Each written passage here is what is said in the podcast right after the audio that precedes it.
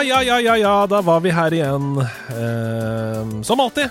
Det er kanskje fredag, det er kanskje lørdag, søndag, mandag, avhengig av når du hører på dette. Det er det som er så bra med podkast. Du kan høre på det nøyaktig når du vil. Det kan til og med hende at du eh, nettopp har oppdaga nederlandslaget, og så ser du sånn Å, dette spillselskapet, det er jo veldig nært mitt hjerte. Og det er derfor du har trykka på episoden, ikke fordi du hører på hver uke. Vi skal nemlig snakke om uh, spillselskap igjen. Vi har jo denne serien vår med 40 store spillselskap, der jeg en eller annen gang i 2020 gikk inn på en sånn nettside og fant liksom 40 av de, mest, uh, de viktigste spillselskapene i verden. Og så begynner vi å plukke fra hverandre én etter én etter én og snakke om den, det selskapets historie og noen av de viktigste titlene. Og til å ta for seg Bungie, et utrolig spennende, annerledes, rart og gøyalt selskap, så har jeg med meg Rune Fjell-Olsen. Hallo! Hei. Bungie er vel Bungie er viktig for deg? Ja, det er nummer to på lista av mine favorittspillselskaper. Mm. From Software nummer én. Ah, wow, tenk at, det har, tenk at From Software har kommet seg opp og forbi. Eh, Ja, det, det hadde jeg ikke trodd for eh, fem år siden. Nei, det hadde ikke Stian heller. Nei, ikke sant? Eh, det er noe med de spillene. Ja, ja. Men jeg er fryktelig glad i Bungie, og Bungie var jo også egentlig um, direkte årsaken til at jeg fikk lyst til å drive med spilljournalistikk på heltid. Mm, mm. Um, altså ikke, det var ikke så godt forma den tanken, men det var mer den uh, innsikten i hvor eh, sterke spillopplevelser kan være, Mm. og hvor viktig det ble i mitt liv. Ja. Uh, og det var et av Bungies eh, spill da, som, eh, som brakte meg dit. Og det skjønner jeg så godt, fordi dette var jo også en tid da Bungie starta opp, og, og det stedet som spillbransjen var på, så leste man jo masse i magasiner og sånn, ikke sant. Men det var, internett var jo eh, noe veldig rart, uh, og ikke noe som alle hadde.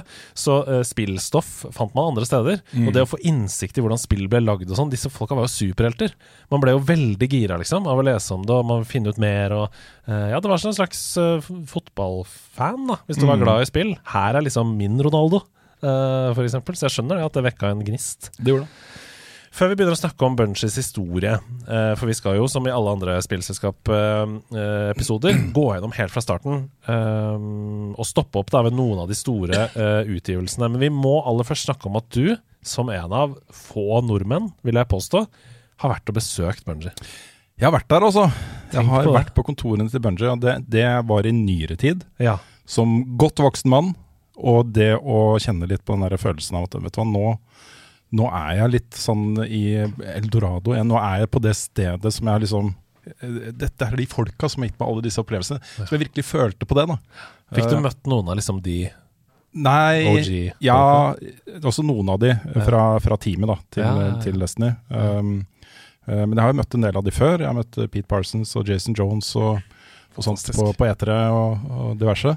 Mm. Eh, men det er mer det å bare være i lokalet der. ja, Gå, for, gå inn dørene til Bungie i Bellevue utafor i, Seattle. i Washington. Ja. Helt utrolig. Nei, men fortell hva det var du gjorde der, før vi starter.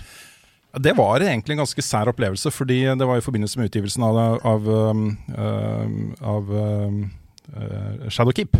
Delelsen Shadowkeep. Hvor jeg av en eller annen grunn ble invitert dit da, for å teste det i forkant. Og for å snakke med team og, og sånne ting.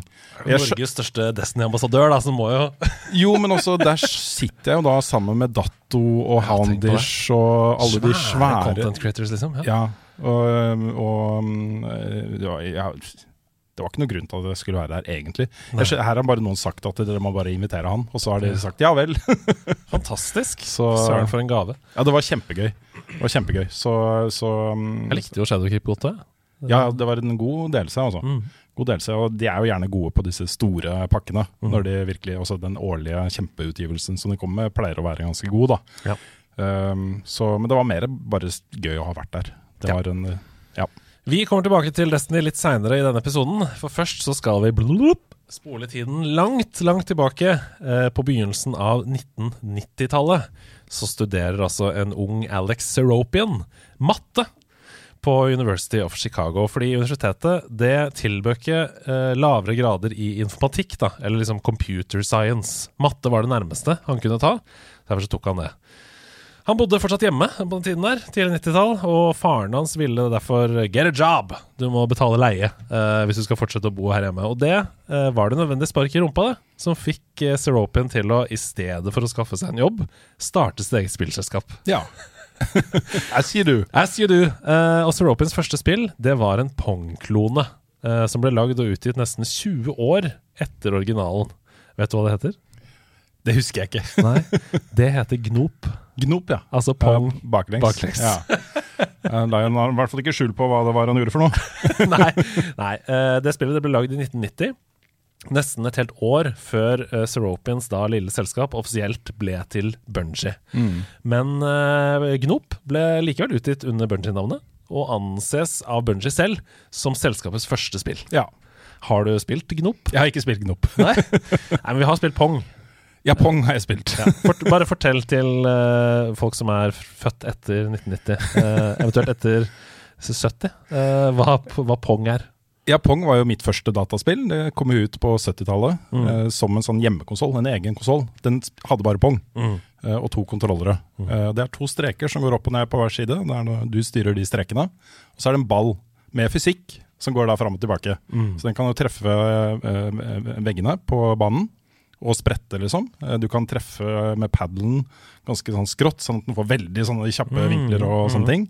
Men det er bordtennis Ja. eh, i eh, den enkleste formen du kan se for deg. Og du kan enten spille alene og kontrollere begge for å prøve å få så høy, høye poengsum som mulig, altså høyt tall, eller mot hverandre. da. Ja da. Og det, det må ikke forveksles med liksom Arkanoid eller Breakout, som jo også er en slags pong, bare andre. Du begynner med en sånn paddle nede, og så skal du ta vekk eh, brikker da, på toppen av uh, banen. Jeg har sett at det har fått en sånn revive. Ja, det er blitt et kjempepopulært sånn eh, nå. Og TikTok og masse Ja, ja, ja. videoer av folk som liksom får sånne sånn oddly satisfying sånn de dig, dig, dig, dig, dig, dig, Ta bort masse sånne Ja, for det er, det, det er jo et skritt videre da fra originalen, hvor Mm. eh, her, her handler det bare om å treffe den ene som gjør at bare alt forsvinner Ja. på én greie, liksom. Ja.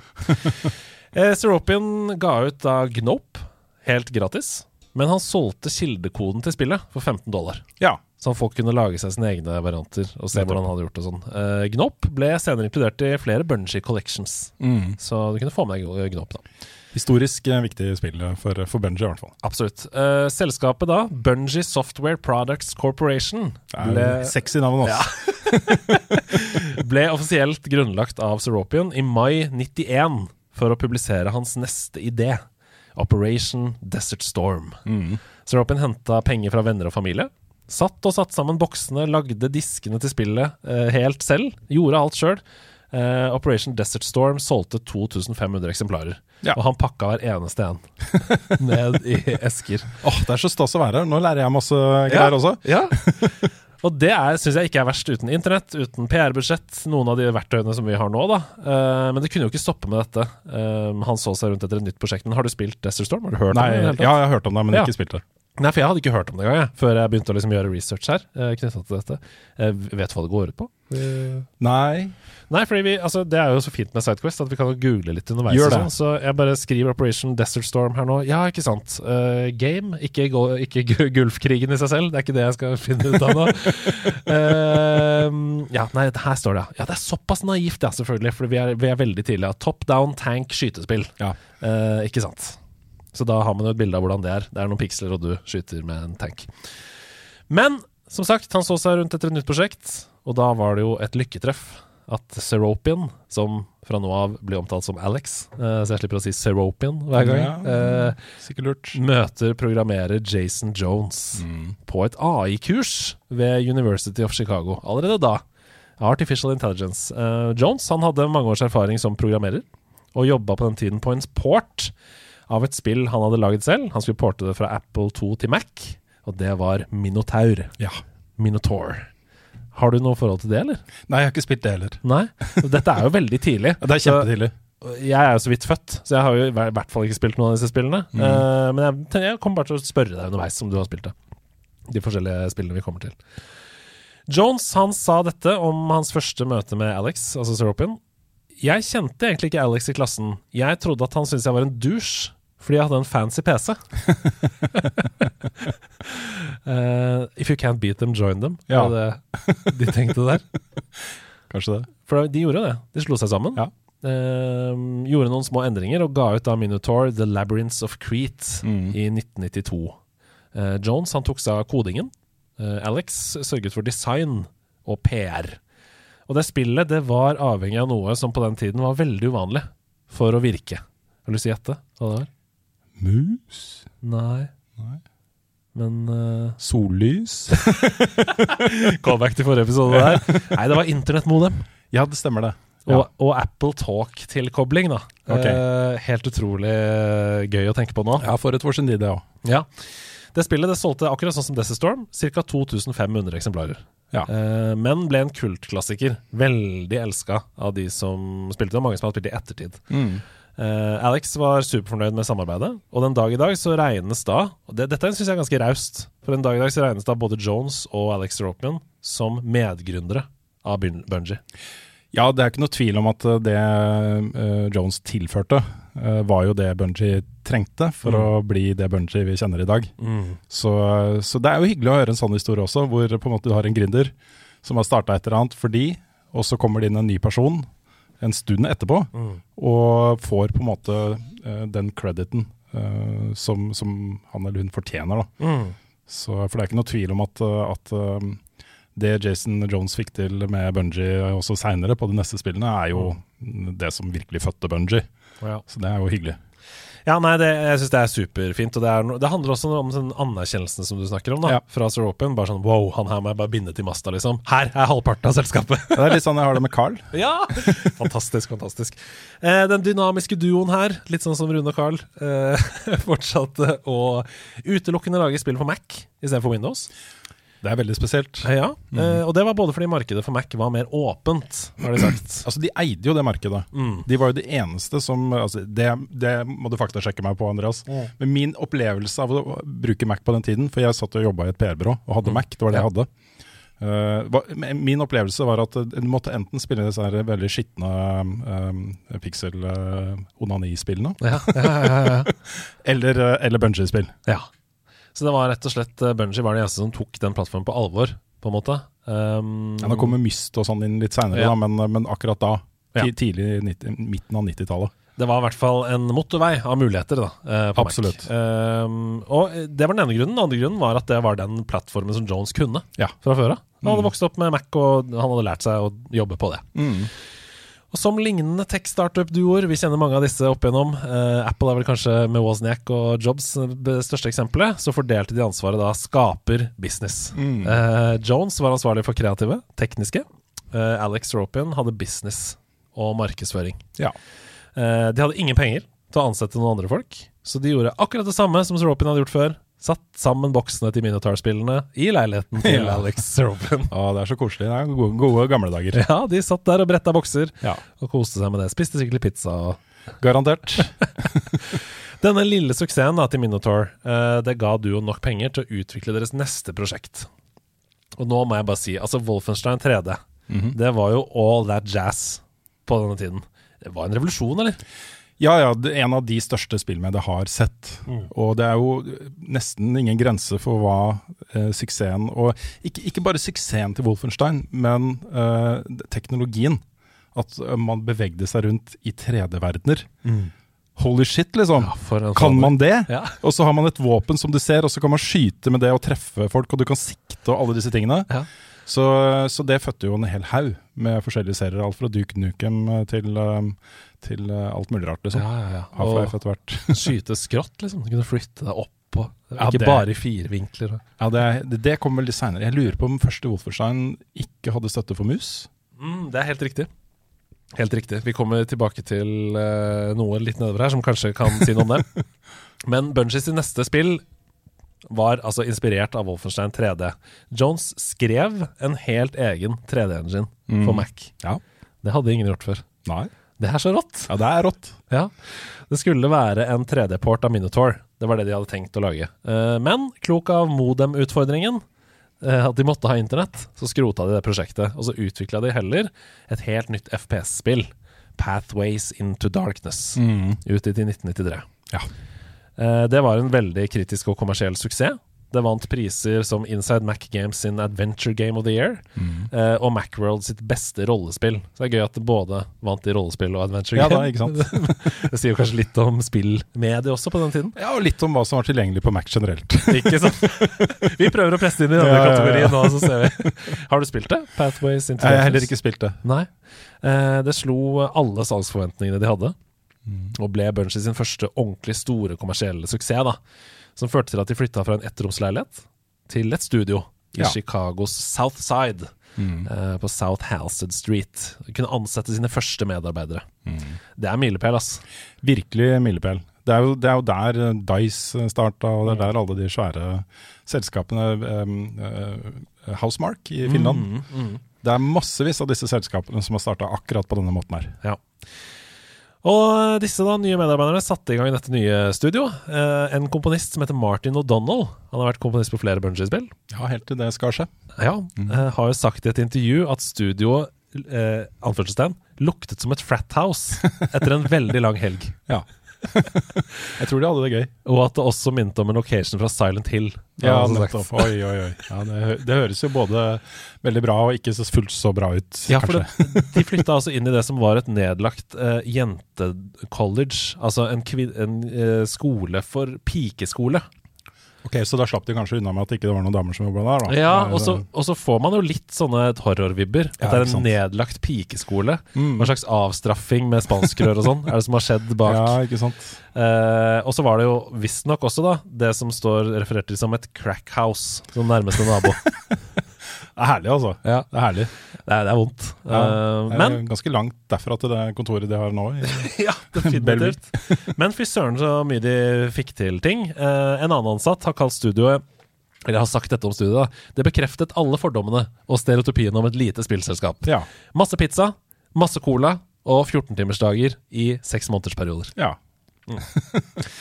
Men pga. dette, da, på grunn av denne enorme innsatsen og, og denne given, så begynner ting virkelig å ta seg opp. Ting går ganske fort. Uh, Bunchies neste prosjekt begynner som en oppfølger til Pathways Into Darkness, men utvikler seg raskt til et futuristisk førstepersons skytespill, som jeg veit at du har trukket fram flere ganger. Det var jo her eh, min kjærlighet til Bunchies starta, da. Marathon. Marathon.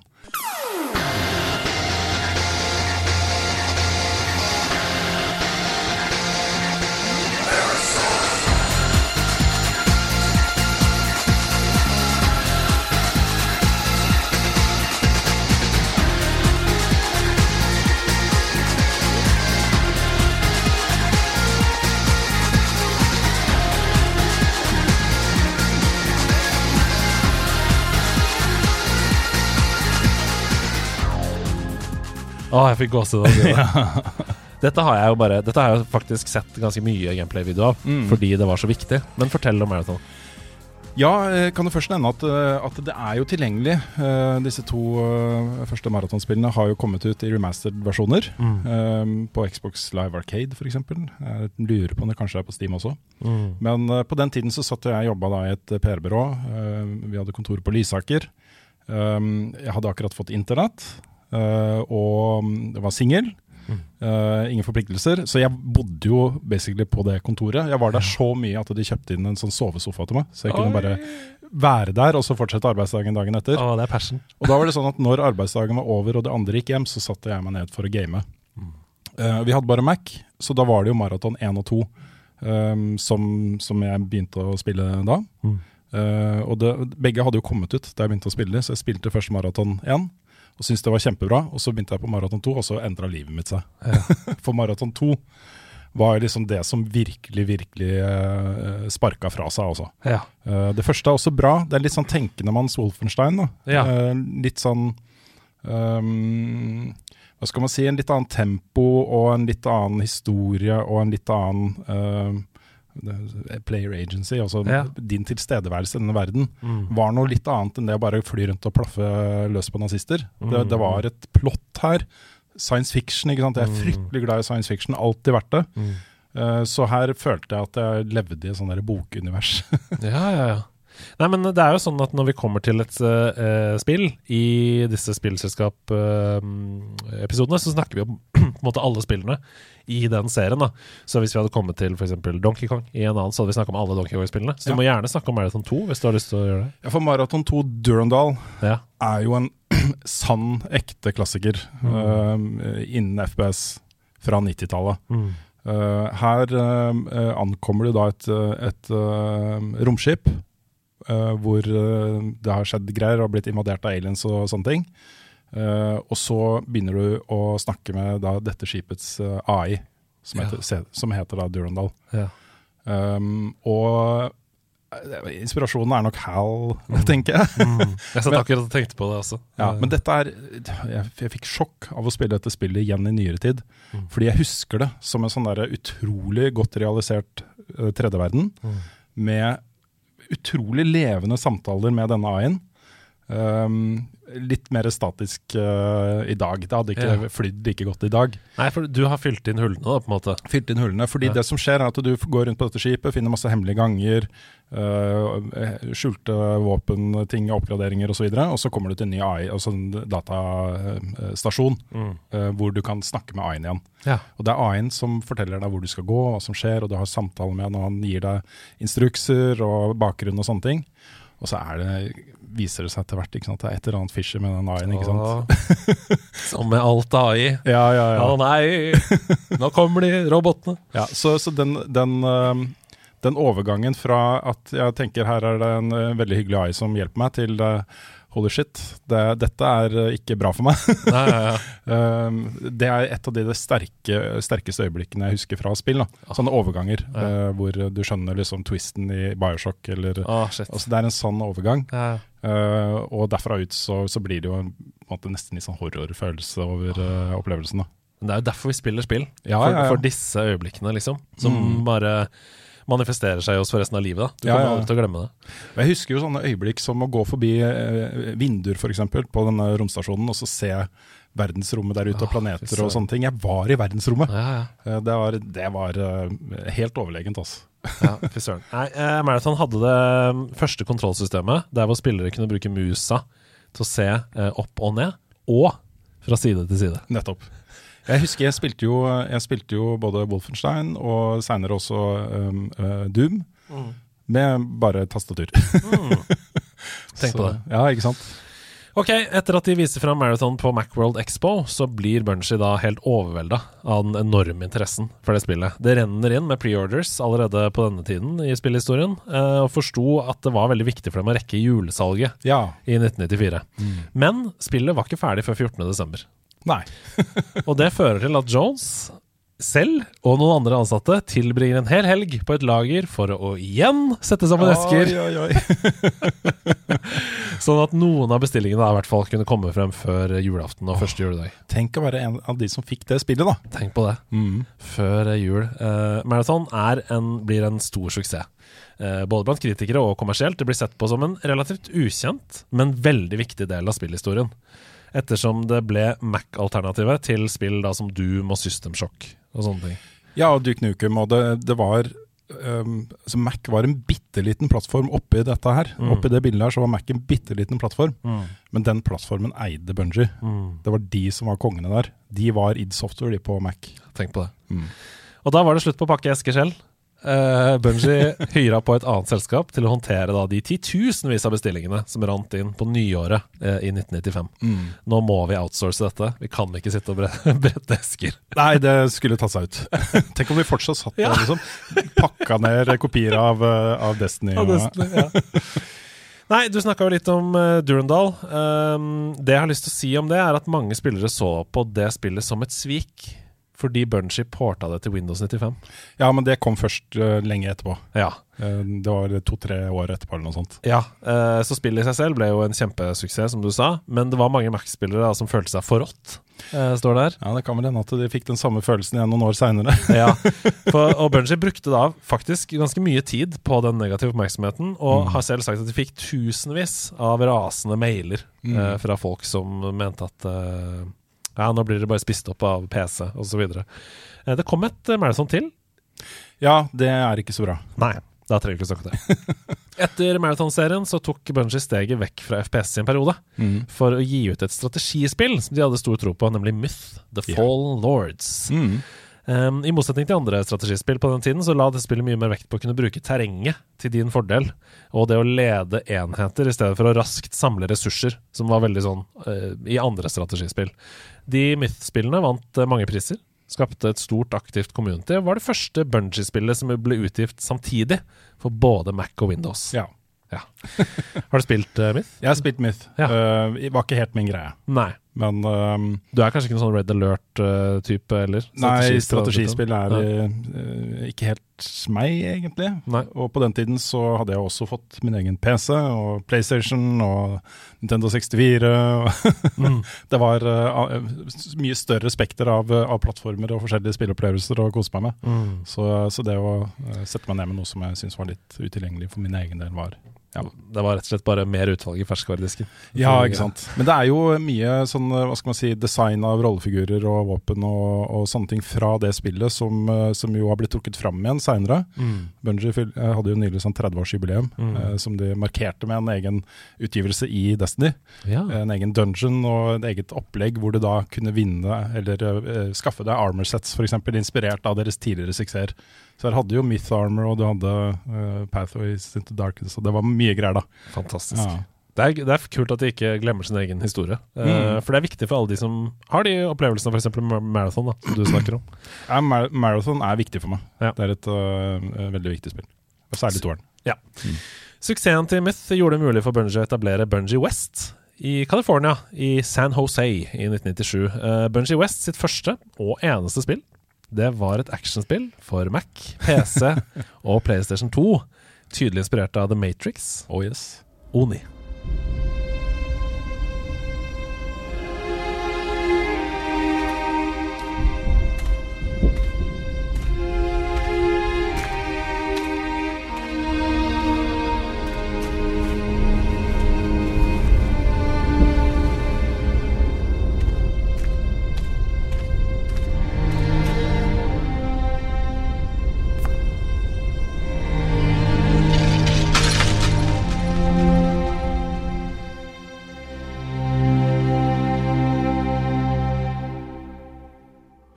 Er et, øh, en, en litt sånn skjult perle, egentlig. Mm.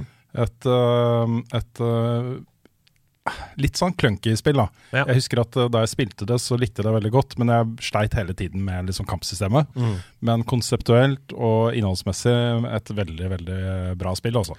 Og hun som var eh, lead designer på Oni-hovedkarakteren eh, Jeg så en video om dette. Hun la jo veldig mye ned i det at dette skulle være en kvinnelig eh, rollefigur som skulle bryte med stereotypier.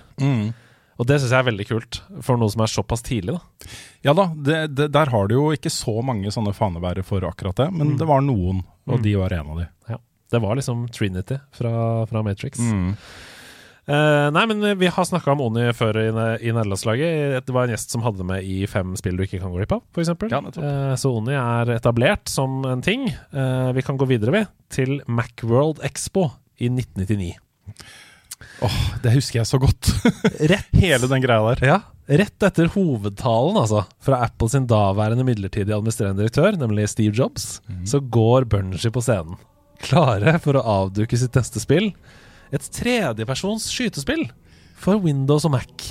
Eh, De hadde slitt lenge med tittelen, og det var mye diskusjoner internt, og sånn, men etter eh, voldsomme uenigheter så ble de til slutt enige om hva spillet skulle hete. Det er en sånn eh, episk bilde av en stor tavle med masse masse titler. Der hvor det er ett sted oppe i hjørnet, en liten tittel som står Halo.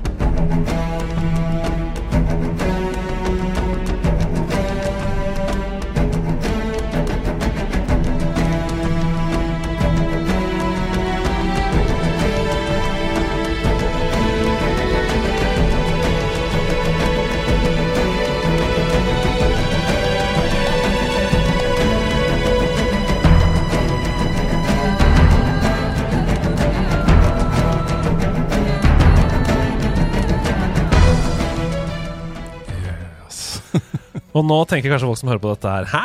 Halo? Tredjepersons skytespill for Windows og Mac? og det var opprinnelig det, eh, nemlig. inntil 19.6.2000. Det er niårsdagen til Bungie sin grunnleggelse, og Microsoft kunngjør at de har kjøpt opp Bungie, Mm. at Bungie vil bli en del av Microsoft Game Division, og at Halo blir utviklet som en eksklusivt førstepersons skytespill bare for Xbox.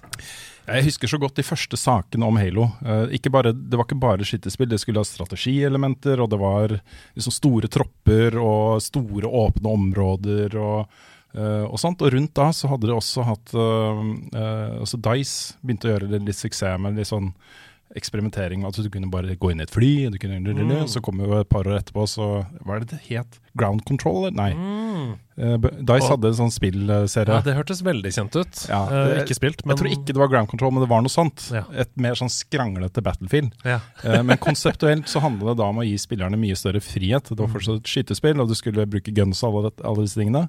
Men du kunne sette deg inn i en bil eller et fly, og du kunne tanks, du, du, du. Eh, og litt der, da. eh, dette kom fra også, tror jeg. Men, eh, men jeg husker disse bildene, og jeg drømte om hva slags spill dette skulle bli, og det Ja. var science fiction igjen, og jeg var Ja, ja. Ja. Skyting i verdensrommet. Mm. Men uh, hva er det vi skal snakke om? Det er jo selvfølgelig å uh, gape over veldig mye, da. Men Halo-serien generelt, hva, Mm. hvordan traff det deg? Du hadde kanskje ikke sånn veldig forhold til Xbox og hva Nei, dette var jo et lanseringsspill til den aller første Xboxen. eh, og for en måte å starte Lansere en ny konsoll. jeg husker jo disse pressekonferansene fra Eter også, hvor, også før konsollen ble utgitt, og hvor de viste fram Halo og hva det hadde blitt og, og sånne ting. Så dette var det shit, altså. Da det kom ut med Xboxen, uh, så var det ingenting som var større. Og, og spillet i seg selv var jo på en måte en, en sånn derre da hadde jeg gått da, og, og levd med lengselen etter Maraton 2 Durandal i en del år, og, og Bungie og science fiction og sånne ting. Her fikk vi da et helt nytt science fiction-spill uh, med en utrolig engasjerende, spennende historie og, og nydelig gameplay på en konsoll. Um, og det var, det var stort for meg, altså. Halo eh, 1 er uh, en av de aller største klassikerne som jeg har spilt. Ja, og Halo 2 er jo for mange Uh, I hvert fall sånn opplest og vedtatt òg, som på en måte peak online gaming. At det gjorde veldig mye for det å spille multiplayer online. Eh, at, at nesten den uh, online-delen der var mer imponerende enn på en måte singleplayer-delen i seg selv i Halo 2. Det er så mange som refererer til de eh, legendariske mapsene Mm. og måten man spilte med Xbox Live og meldinger og sånn i, i det. Ja, for, eh, for Xbox Live var nok en sentral greie der. Mm. Eh, De var jo pionerer på det å spille online på konsoll. Mye bedre enn noe alternativ. Ja, ja, det tok lang tid før Ja. Sony klarte å matche, matche de på det. Mm. Uh, og uh, Halo 2 er jo også et, et veldig bra singleplayer-spill, syns jeg. da. Mm. Um, jeg tror tittelen på det jeg, Han også nye Star Wars eller noe sånt var tittelen på anmeldelsen min Ja. i VG. Ja, det er så deilig å sitte og som et eh, arkiv her og Ja, bare ja. Nye Star Wars, ja. Det var det jeg kalte den anmeldelsen av Halo 2 i 2004. Ja, det, ja. Men, men eh, jeg husker jo også det er jo det stort skiftet der, hvor du plutselig da spiller som en eh, det du tror er finnen din. ikke sant? Så, litt sånn uh, Last of Us Part 2. Ja, kanskje Ja. Men, eh, men eh, jeg syns kanskje serien pika der, jeg også. Mm. Eh, jeg likte også Halo 3. Mm. Eh, jeg synes det var eh, eh, Men jeg syns også det var tydelig at, eh, at det var allerede kjent at det var det siste Halo-spillet som Bungie skulle lage, Mm. før de eh, forlot serien. Eh, men innimellom der så smetta det også inn et par utgivelser som også er veldig bra. da Halo, Reach, ja, Halo Reach er kjempebra. Ja. Og ODST er også veldig veldig bra. En mer sånn komprimert liten historie fra Halo-universet. Mm. Um, så, men, men Halo 1 er liksom kanskje den uh, opplevelsen som jeg husker best, best og verdsetter mest. da Mm. Uh, som en Fordi det er litt problemet med sånne historier. ikke sant? Du har The Matrix-trilogien. Hvor eh, Hva gjør man da, etter at Neo har blitt The One? Mm. Eh, hva, hvor går man når man vet hva disse Halo-ringene er for, for noe? Mm. Altså, hva er funksjonen? Man vet hva, hvor de kommer fra, hvorfor de er der. Mm. Hvor tar man serien da? For det er dette mysteriet ikke sant? Det er dette mysteriet om hva den Halo-ringen faktisk var. Mm. Hvorfor er det atmosfære her? Hva er, hva er greia, liksom? Uh, å utforske det og finne ut av det, det var det som var mest tiltrekkende med hele konseptet. da. Så, um, så ja. Hva syns du om Take Two sitt Infinite? Bare kjapt, dette handler om Bunchy, så men Jeg, eh, jeg syns det var bra. Eh, en- Solid, liksom. Ja, et solid, et godt skytespill. Mm. Eh, et godt stykke unna på en måte den der berusende science fiction-opplevelsen fra tidligere i serien. Mm. Men det er kanskje mest stødige Halo-spillet etter, etter Bungie. Ja, jeg er helt enig. Syns det var liksom åtte av ti. Eh, Det var det jeg også ville gitt, ja. Femmer, liksom. ja. En ve veldig kul skytespillopplevelse, men mm. det er det det er, da. Det er Ja. på en måte ikke den uh, evigvarende inntrykket som f.eks. The Last of Us har satt i meg. Ikke sant? Du må finne på så mye nytt ikke sant? Ja. for å eh, gjenskape den derre eh, den derre undringen og utforskningsgleden. og Hva er dette for noe? ja, ja. ja. Hvem er vi egentlig? Hvem er vi egentlig? Men for en kul start, altså for et anslag som Master Chief i Infinite. Når du bare du må dra deg oppover i, i verdensrommet der og bare Mm. 'Jeg tar den ene pistolen med ett magasin'. Det er dritfett. Ja, det er kjempebra. Det var det var, ja. Eh, Halo Combat Evolved det blir en enorm suksess. Eh, spillet selger mer enn 6,5 millioner eksemplarer, mm. og blir eh, Xbox sin flaggskip-franchise. Å, ja. De skjønner at ok, her må vi bare det, det er dette, folkens. Mm. Det er dette vi skal satse på. Eh, Halo 2 blir utgitt 9.11.2004. Tjener mer enn 125 millioner dollar på utgivelsesdagen. Det var, eh, det var et, et så utrolig stort event, Ja. lanseringen av Halo 2. For da hadde du hatt det sjokket da, med at Halo 1 var så bra som det var. Eh, kommet til masse nye spillere sånn jevnlig, og så kommer Halo 2 Mm. med de forventningene som er knytta til det. Det var svære lanseringsfester her i Oslo til og med. ikke sant? Mm. Det leid posthallen for å ha lanseringsfest for Halo 2. Det er så gøy. wow. Ja, det er gøy. Tenk hva Sony tenkte på da, liksom. Bare, Mm. Ja. ja, Killzone er jo det de tenkte på da. Ja, det var jo det. Det er jo ikke like bra. Nei, det er jo ikke det, dessverre. Uh, det setter altså rekord i hele underholdningsindustrien. Uh, det med 125 millioner dollar på én dag. Halo 3 ble utgitt uh, 25.9.2007 og overgår Halo 2s rekorder. Mm. 170 millioner dollar i løpet av de første 24 timene. Jeg har hørt Bunji selv si at det er det spillet i Halo-serien de er mest fornøyd med. Ja. Eh, Jeg har også hørt andre spillere si det. da. ja. Eh, Så eh, når jeg ikke var like fornøyd da, med, med det spillet som de andre, så kanskje det var jeg som var litt mett Ja. på Halo. Akkurat som at jeg har dust dustete problemet med Metroid Dread, fordi Altså, ja. Nei da, jeg, jeg liker Metro Dread, også. Vi skal Før vi går Hva syns du om Returnal? eh, Kjempegøy. Ja, ikke sant? Jeg likte det veldig Bra, bra, bra. Jeg slipper å krangle om det altså. Nei, det er jeg veldig glad i. Um, før vi går videre, så skal vi dvele litt ved de tre uttalte grunnene til at Bungie godtok Microsofts tilbud i utgangspunktet. Uh, for de hadde jo sagt at de skulle være indie, liksom. Mm. Men det er tre uh, oppleste grunner som de har sagt. Og det første er sjansen til å jobbe med et Xbox, som var et selskap som tok spill på alvor. Mm. Det var viktig for dem. De hadde jo blitt kontakta Activision for eksempel før, og sa nei til Activision. Um, og så var de redd for at de skulle bli kjøpt av et, av et selskap som bare ville gjøre Mac-ports, f.eks. Mm. Så at Xbox kom der og bare sånn Dette er en ny plattform, det skal bare være rendyrka spill, spill, spill. Det var veldig forlokkende for dem, da. Mm. Det andre var stabiliteten ved å bare ha Xbox Mm. som utviklingsplattform, og vite sånn Det er dette vi skal lage til. Alle maskinene er like. Vi trenger ikke å Ja, Det er bare å se på PC-porten av Halo 1, det, og så, og så kan du se hvorfor det er en god idé. Og bare ha én plattform å forholde seg til. Så det var den andre grunnen. Og det tredje var, og dette er litt eh, underkommunisert, men det var pengeproblemer. Fordi eh, Myth 2, kort tid før det skulle bli utgitt, så ble det oppdaget at noen versjoner av det spillet kunne slette spillerens harddisk. Oi, Myth 2. Hvis du installerte det, så ble harddisken sletta. det er ikke noe særlig. Og den bugen førte til en enorm tilbakekalling av spillene Ja. rett før de skulle shippes. Det kosta Bungie nesten en million dollar. Ja, Den feilen. Den Mm. ene bugen. Tenk å være den som har ansvar for den. ja eh. Og Bungie hadde klart seg uansett som selskap uten å si ja til Microsoft sitt oppkjøp, men i styrerommet så var det en betydelig økonomisk usikkerhet. da. De var Mm. bekymra for den millionen dollar som hadde Mm. forsvunnet ut av vinduet. Så det var en stor pådriver til at styret sa ja, men at de to originale grunnleggerne var mer skeptiske og egentlig sa nei. Mm. De ble overstyrt da, av styret. Ja. Så det, det er eh, litt underkommunisert, men eh, nå vet dere det. Ja. 1.10.2007 så kunngjør Microsoft og Bungie at Bungie skiller seg fra morselskapet og blir et privateid aksjeselskap ved navn eh, Bungie LLC.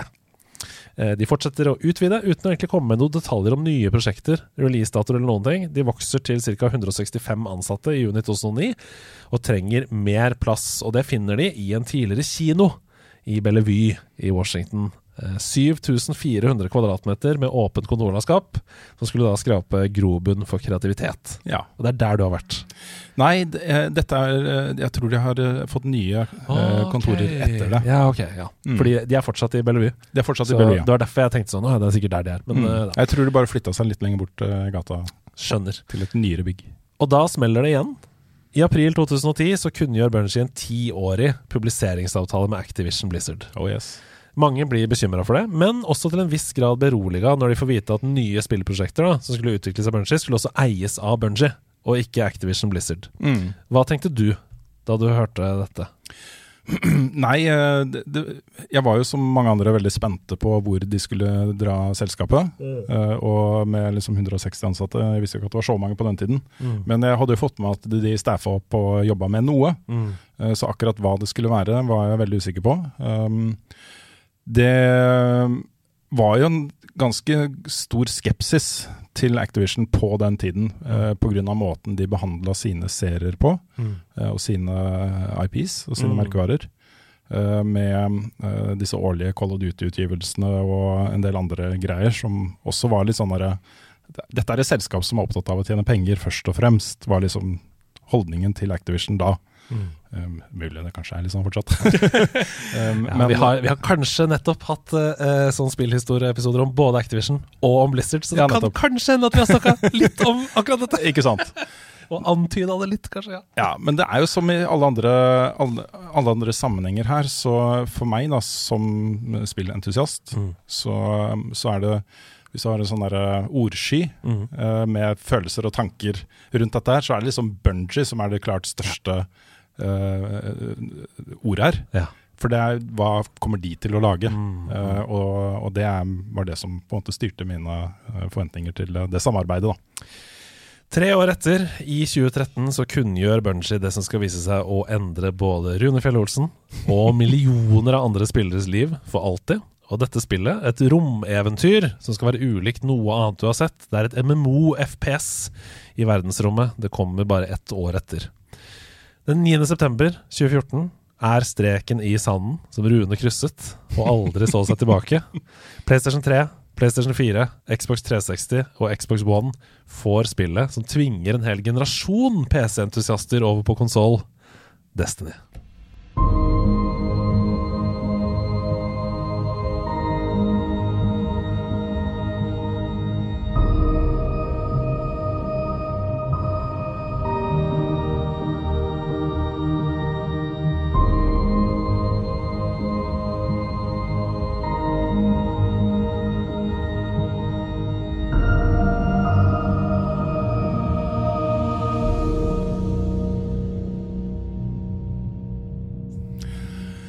Ja, det var jo en litt sånn merkeutgivelse, det også. Kan du, kan du prøve liksom å sette ord på um, forventninger og bare de første 24 timene, liksom, etter at du har fått Destiny på konsollene? Ja, jeg husker jo at vi eh, bestemte oss allerede fra starten av at dette skal ikke bare én sitte og anmelde. Så vi var jo tre stykken i VG som anmeldte det sammen. Det var Carl og Jon Cato og meg. Eh, Og vi lagde en plan for hvordan dette skulle løses. Jeg, eh, det jeg husker best fra eh, For jeg fikk, fikk ikke spilt eh, den betaen som var ute på sommeren. Så jeg har ikke det emblemet Nei. som kom fra Åh, den. det er vondt. Ja, det er litt vondt. Sitter med Destiny-caps der og ja, ja, ja. Nei, så, så, så jeg hadde på en måte bare Min forventning var basert på hva jeg hadde sett, og jeg hadde ikke testa det. Jeg visste ikke helt hva jeg gikk til. Eh, men det jeg husker uh, best, er særlig to ting. Det ene er uh, våpenfølelsen, altså skyteopplevelsen. Mm. Hvor utrolig godt det satt i, i hånda. Hvor utrolig flinke de hadde vært til å eh, få til kontrolleren. Og jeg visste at de var gode på det fra Halo-spillene, men dette var milevis bedre enn det også Og lyd og lyd og alt dette her. Så, så det husker jeg veldig godt. Og så husker jeg også hvor forvirra jeg var. mm. Um, jeg var ikke vant, vant til å levele karakterer på den måten. Nei. Uh, jeg visste ikke helt hva det betød å skulle komme seg til maks level 30. Um, eller hvordan jeg skulle komme meg dit kjappest mulig. Mm. Og, og sånn. Alle disse tingene som er, nå er second nature for meg ikke sant, Ja, ja. i dette spillet, Tenk på det. uh, var helt sånn- nytt for meg. MMO-systemet generelt, da. MMO-systemet generelt. Ja. Forskjell på rare og legendary armor. Mm. Uh, forskjell på rare og legendary våpen. Uh, forskjell på perks på våpen. At uh, det samme våpenet kunne være totalt forskjellig basert på hvilke perks det hadde. Mm. Det var så mye å sette meg inn i at jeg var veldig veldig forvirra, husker jeg. Det husker jeg også. Jeg, og jeg var så redd for å på en måte disenchante ting, da. Eller bare sånn uh, selge ting eller kaste ting eller sånn. Ja, ja, ja. Men etter hvert så bare Du forholder deg ikke det. Altså Det er bare noe du har kost deg med i en time, er bare søppel, liksom. Ja, Plutselig. ja, ja det, det, det var litt sånn. Uh, og det, det som det betyr, da, at det er, uh, er um, RNG på, på gear og Mm. våpen, er jo at plutselig så får du et våpen i hånda som bare Vet du hva, dette våpenet er laga for meg. Ja. Dette er også, ikke sant? Og så bruker du det 10 000 kills, ikke sant? Ja. I, I PV. Og det er, eh, det er sånne greier som gjorde at jeg ble hooked. Ja. Men det som var det aller, aller største øyeblikket mitt fra lanseringen av Destiny, var jeg, jeg visste ikke at spillet hadde en raid engang, da jeg Mm. satte meg ned for å spille. Mm. Eh, de hadde jo sagt at det skulle komme et raid, jeg visste ikke hva det betød. Mm. Uh, og så leste jeg en sak om at noen hadde vært i det raidet, da det ble, altså den helga det ble lansert. da. Eh, jeg var jo ikke i nærheten av å være høyt nok level til å spille det, så, så jeg visste ingenting om det. Eh, og det var jo, hadde jo ikke vist noe fra det heller. Ikke noe video, det var ikke noe informasjon om hva Walt of Glass var for noe Mm. tilgjengelig på nett før det da ble lansert.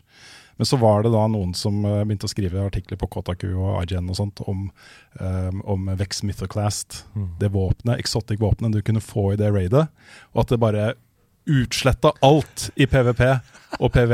At det var så overpowered at du bare, ikke sant? Bare utsletta absolutt alt umiddelbart. Du må få det! Dra, og finn det nå! Ja. Ja. Altså, da var jo Jeg hadde jo um, oh, det er FOMO-følelse, ass. ja, Det var en sånn FOMO-følelse som var ganske absurd. Men ikke bare, uh, ikke bare pga. våpenet, men også den derre måten folk snakka om Walter Glass på. Mm. Uh, måten de beskrev det på. Også med, med Gorgons Labyrinth og Mm. Hvordan raidet var bygd opp, at du måtte samarbeide, at det var mekanikker og boss og puzzles og sånne ting. Jeg ble så utrolig gira på det. Ja, det skjønner. Så da begynte jeg å levele. Da begynte jeg å Ok, jeg må komme opp til liksom, hvert fall level 26-27 for å kunne ta det raidet. Mm. Og så satt vi sammen en gruppe, og det første gang jeg spilte et raid i Destiny, var jo med uh, Lars og Nick og, og uh, forskjellige folk, da. Mm. eh, Med en Sherpa, Mm. som Håvard var med med. Eh, hva var det sistemann? Det var Lars, Nick, Håvard, Sherpaen, meg og Carl. Ja, det var Carl, ja. Ja. ja. For det var det jeg tenkte. Ja. Uh, han hadde jo å spille, så jeg glemmer å tenke på at han faktisk spilte mye Ja. Destiny i starten. jeg mener at jeg har sett, liksom, om ikke opptak av dette, en sånn redo med hele den samme gjengen som gjorde det første gang. Jeg lagde jo en, eh, en eh, litt sånn dokumentarreportasje Ja. om mitt første raid i Destiny. Det er det jeg har sett, ja. Og, og det er altså, Du kan si hva du vil om Destiny, også, men ikke kom her og prøv å påstå at, uh, at de raidene ikke er noe av det beste du kan få i skytespill uh, Og i det- noe spill noen gang. De gangene jeg har anmeldt Destiny-innhold også, så er jo det det kommer tilbake til hver gang. Det er jo det som er den store gulroten. Det er det Mm. som er motivasjonen for uh, det som etter hvert, for min del, innimellom har vært veldig kjedelig grind. Um, For meg også. Så, så er det det. Ja. Altså, Raidsene er noe av de beste spillopplevelsen du kan ha i gaming. Ja, det er jeg helt enig med deg. Um, så ja. Altså, da var, det var der mitt uh, litt uh, livslange kjærlighetsforhold til Destiny ble Ja. virkelig sementert. da. Og vi har jo uh, laget to episoder av dypdykk, både i Destiny 1 og i Destiny 2. Så hvis man har lyst til å høre masse om det, så kan man gå inn der. Men jeg har bare lyst til å eh, spørre eh, bare sånn Fordi des, altså, hvilken utvidelse i Destiny 1 eller Destiny 2 er det som står igjen som kanskje den beste eller den viktigste for deg? Den jeg har nok satt mest pris på, det er, uh, det er to stykker. da. Ja. Fordi begge disse to utvidelsene redda Destiny. De gjorde samme jobben, da. Gjorde samme jobben. Ja, da vet jeg hva du er sikter det Taken King i Mm. Destiny 1, som da hadde det spillet hangla, altså. I Mm. månedsvis. Mm. Med uh, litt sånn eh, stale innhold. Eh, folk eh, klaga, det kom ikke noe nytt, og det nye som kom var ikke bra nok. Og det Mm. var så mye klaging. Mm. Og så kommer Taken King, og så er det dritfett. Det er et supert raid. Det har en dritbra story og en kul setting og alt det der, liksom. Nesten bedre enn basespillet, liksom. Ja, ja, ja. Ja. Milevis bedre enn basespillet. Jeg har spilt basespillet mange ganger, Ja. uh, fordi vi kjørte en sånn her permadeath-greie. Akkurat da de skulle liksom komme med Destiny 2, Mm. så skulle vi spille gjennom hele Destiny 1, alle storydelene uten å dø. da. Mm. Så da endte vi opp med å spille den campaignen ganske mange ganger, for vi døde jo stikk Ja, uti der, og så måtte vi starte på nytt. ikke sant? Så, så den har jeg spilt mange ganger. Den er ikke så veldig god, uh, sammenligna med det som kom seinere. Mm. Eh, og Taken King var kjempebra, og den andre er akkurat samme grunn, Forsaken til, mm. til Destiny 2. Mm.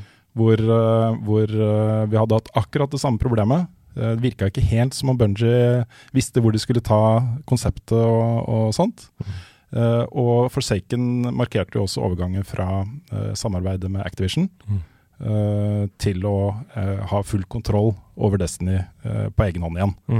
Eh, det som skjedde, altså Grunnen til at det var viktig, er jo at eh, Activision satte opp egne folk, Treyarch og sånt, til å lage uh, DLC-innhold, også Mm. sesonginnhold, til Destiny.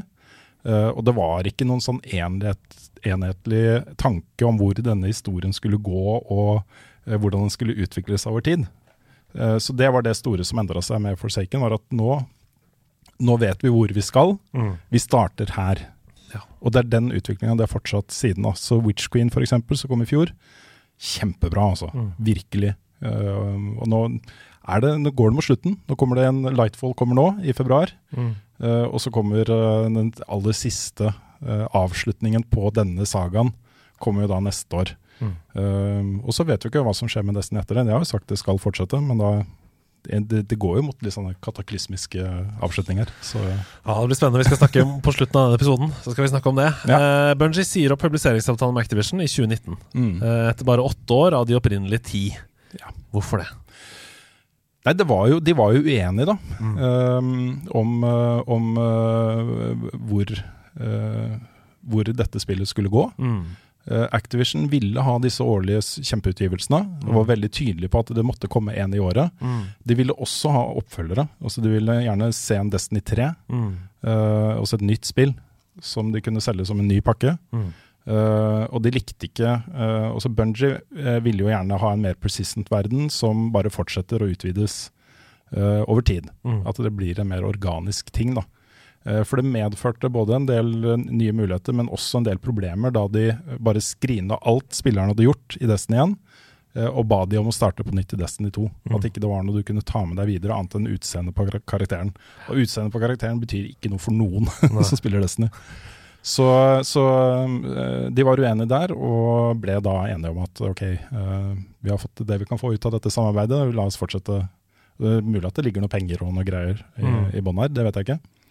Nei da, det, det, det er helt riktig som du sier. Hovedgrunnen er uenigheter om hvor franchisen skulle i Mm. fremtiden. Det er i hvert fall det David Degg, som var, og kanskje er, kommunikasjonsdirektør i Bungie, sa eh, da. da. Og avviste liksom ryktene om at eh, Activision hadde f.eks. begrensa Bungies kreative kontroll. Det, det, Ja, nei, det, det tror jeg på. ja. Men det var det at, som du sier, hvor var det vi skulle framover? Um, de kunngjør Bungie en stor utvidelse av firmaet sitt i februar 2021. Uh, I tillegg til å mer enn doble ansatte. I hovedkvarteret i Bellevue i Washington så kunne de også planene om å åpne et nytt studio i Amsterdam før utgangen av 2022. Men det er, det er ingenting i min research som tilsier at dette har skjedd. Nei, jeg tror de har begynt å staffe opp, eh, og de har begynt å ansette community managers i europeiske land. De har Både i Tyskland og Frankrike og sånn, så har du nå fått uh, Destiny og Bungie Ja. Community managers Ja. som, eh, som sitter og jobber med ting. Ja. dette kontoret skal nok Jeg tror tanken er mer å ha en tilstedeværelse sånn markedsføringsmessig, Ja. enn å faktisk sitte og lage spill. ja, for jeg fant liksom ikke noe sånn adresse der hvor det plutselig står et bygg som er liksom Bungee Amsterdam. Ja, Det ble nok litt utsatt pga. pandemi og, og sånne ting, men, mm. men det er fortsatt etter sånn jeg har forstått eh, planen. Ja. Uh, dette er et av også flere selskaper nå som har innført uh, remote-muligheter for ansatte Bra. Eh, på permanent basis. Mm. Så, så noen av de stillingene de har ledig Jeg skal innrømme at det hender at jeg smugleser litt på de stillingsutlysningene i Bungie. Altså. Er det noen som er bedre kvalifisert til en slags kommunikasjonsstilling, f.eks.? Ja, ja, ja. Hei, hei, hei. Um, de sa da samtidig som dette at de også jobber med en ny IP som ikke er relatert til Destiny, Ja. som de forventer å utgi før utgangen av 2025. Mm. Hva kan dette være, da? Ryktet sier jo at det er et, uh, en extraction shooter eh, basert på Oh. maratonuniverset. Oi, oi. Ja, Da jeg hørte den nyheten, så var jeg sånn Ja, jeg har ikke spilt Tarkov noe særlig. Og jeg, er ikke sånn, altså det har ikke vært så fengende, men så har jeg spilt DMC nå, i, i Warzone 2.0. Og det er fett, altså. Det er kjempefett. Det er kjempekult det å ha en persistent verden på den måten, hvor det er missions og, Mm. og loot og Ja, alt dette her. Og gameplay-loopen er kjempegøy. Det er jeg skjønner at den er avhengighetsskapende. da. Mm. De som på en måte har falt skikkelig ned i Tarkov-gryta, de sliter med å komme ut igjen. Ja, liksom. det gjør det. Så ja. Nei, men så spennende, da. Jeg visste ikke det. eh, At det var det som var rykta. Nei, det er et rykte. Det kan jo være. Jeg tror de har flere prosjekter på gang, jeg, da. Mm. Um, de har jo fått en 100 millioner dollars investering fra NetEase. Mhm. Uh, og de jobber jo med Diablo og greier til mobiltelefon. Ja, for det er ikke bare positivt, det, tenker jeg. Nei, det kommer nok et Destiny mobilspill, tenker jeg da. Ja. Um, og så har du jo uh, Det kommer du, står sikkert på sendeplanen din, og andre oppkjøp og sånne ting. Absolutt. For Men- helt til slutt så skal vi ta med det. Men uh, ja, noe annet du tenker på? Ja, de, de har jo sagt at de skal fortsette med Destiny, til uh, ikke spillerne vil ha mer, er vel det de har sagt. Okay. Så de kommer nok uansett til å ha et team som jobber med det, men jeg er litt redd for at lufta går litt ut av den ballongen etter, uh, etter den aller siste uh, utvidelsen der Mm. uh, neste år. Er det greit? For meg hadde det egentlig vært litt greit. Ja. Jeg, jeg, det jeg ønsker meg av fremtiden til Destiny, er at de bare ikke starte helt på nytt, men bare se på det med helt nye øyne. Mm. Kanskje utvikle en helt annen sjangerretning. Kanskje mer uh, sånn adventure, action, action Mm. uh, spill. Jeg vil gjerne ut av vårt solsystem og over i andre uh, deler av universet. Mm. Jeg vil gjerne se helt nye greier. Uh, det er i hvert fall en mulighet til det. da. Jeg er veldig imponert, egentlig. Eh, Jeg er ikke så veldig glad i Riot, men jeg er veldig imponert av det de har fått til med League of Legends-universet. Mm. For det er veldig fort gjort å gå seg inn i en sånn Dette er League of Legends, Mm. og dette skal det være. Det er en av de største IP-ene i verden. Men de har gitt ut masse spill som er avarter med karakterer. eh, For eksempel um, ja, et rytmespill, for eksempel, som jeg synes er kjempebra. Mm. Uh, Vextech Mayhem eller noe sånt. Jeg husker ikke. Nei, ikke Vextech. Eh, det var nå i Destiny-universet. Men eh, det er i hvert fall et veldig bra rytmespill, eh, og andre ting. Og de har gitt ut eh, TV-serier, ikke sant, osv., Mm. osv. Så det går jo absolutt an å gjøre dette med Destiny-universet også. Ta for eksempel eh, Titan-rasen, og lage noe som er en helt annen sjanger, bare på Eller Titan Heroes, på en måte. Eller ja. ja, klassen, da. Mm. Nei, jeg har eh, Mitt inntrykk av det, også den utholdenheten Bungie har vist med Destiny, er litt sånn atypisk det selskapet, føler jeg nå. Ja. Um, de har jo med Halo-serien Mm. uh, på en måte vist oss at okay, de jobber seg ferdig med et konsept, og så har de lyst til å gå videre til noe annet. Mm. Og, og det er jo på en måte den største baugen for persistent-verdener og for uh, hobbyspill som Destiny, Mm. er jo at utviklerne mister litt entusiasmen for det og sånne ting. Uh, og kanskje det har en naturlig slutt. Jeg tar gjerne et Destiny Tower Defense-spill, f.eks. Det er dritfett. Helt til slutt så tar vi med det som skjedde da for ca. ett år siden. 31.1.2022 så kunngjorde Sony at de kjøper Bungie for 3,6 milliarder dollar. Ja. Det er penger. Eh, Sonys investering skal hjelpe Bungie med å ansette utviklere for å utvide arbeidet med Destiny-serien, litt som det vi snakker om nå, og andre planlagte spill. Til gjengjeld så skal altså Bungie hjelpe Sony med å komme inn på markedet for Game as a Service-spill, ettersom Sony da har annonsert planer uh, internt i en investorpresentasjon om å lansere minst ti slike spill før utgangen av 2026. Holy crap, det er tre år, det. Ja, Vi vet jo hva to av de er, da. Ja. Det kommer jo et uh, multiplayer uh, Last of Us mm. og et multiplayer Horizon. ja. Og dette er jo veldig, veldig Skal man gå til noen for å få hjelp til å lage hobbyspill som det, Mm. så er det veldig naturlig å gå til Bungie. Altså. Alt de kan lære av, av utviklingen av Destiny, det er, uh, det Altså, er uh, klasse. Jeg syns liksom Naughty Dog og Bungie høres ut som en supermatch, da. ja, da. Det er kjempegøy å se for seg et uh, The Last of Us multiplayer-spill. Jeg elska jo Factions, for Mhm. eksempel. Last of Us multiplayer-spill hjulpet av Bungie. Det er jo helt fantastisk. Ja, så jeg tror nok de får mer sånn rådgivende rolle her, og kanskje Mm. går inn i teamet på tidlig stadie og Ja. hjelper de med å skru det ting til. da, At det Mm. handler mye om det.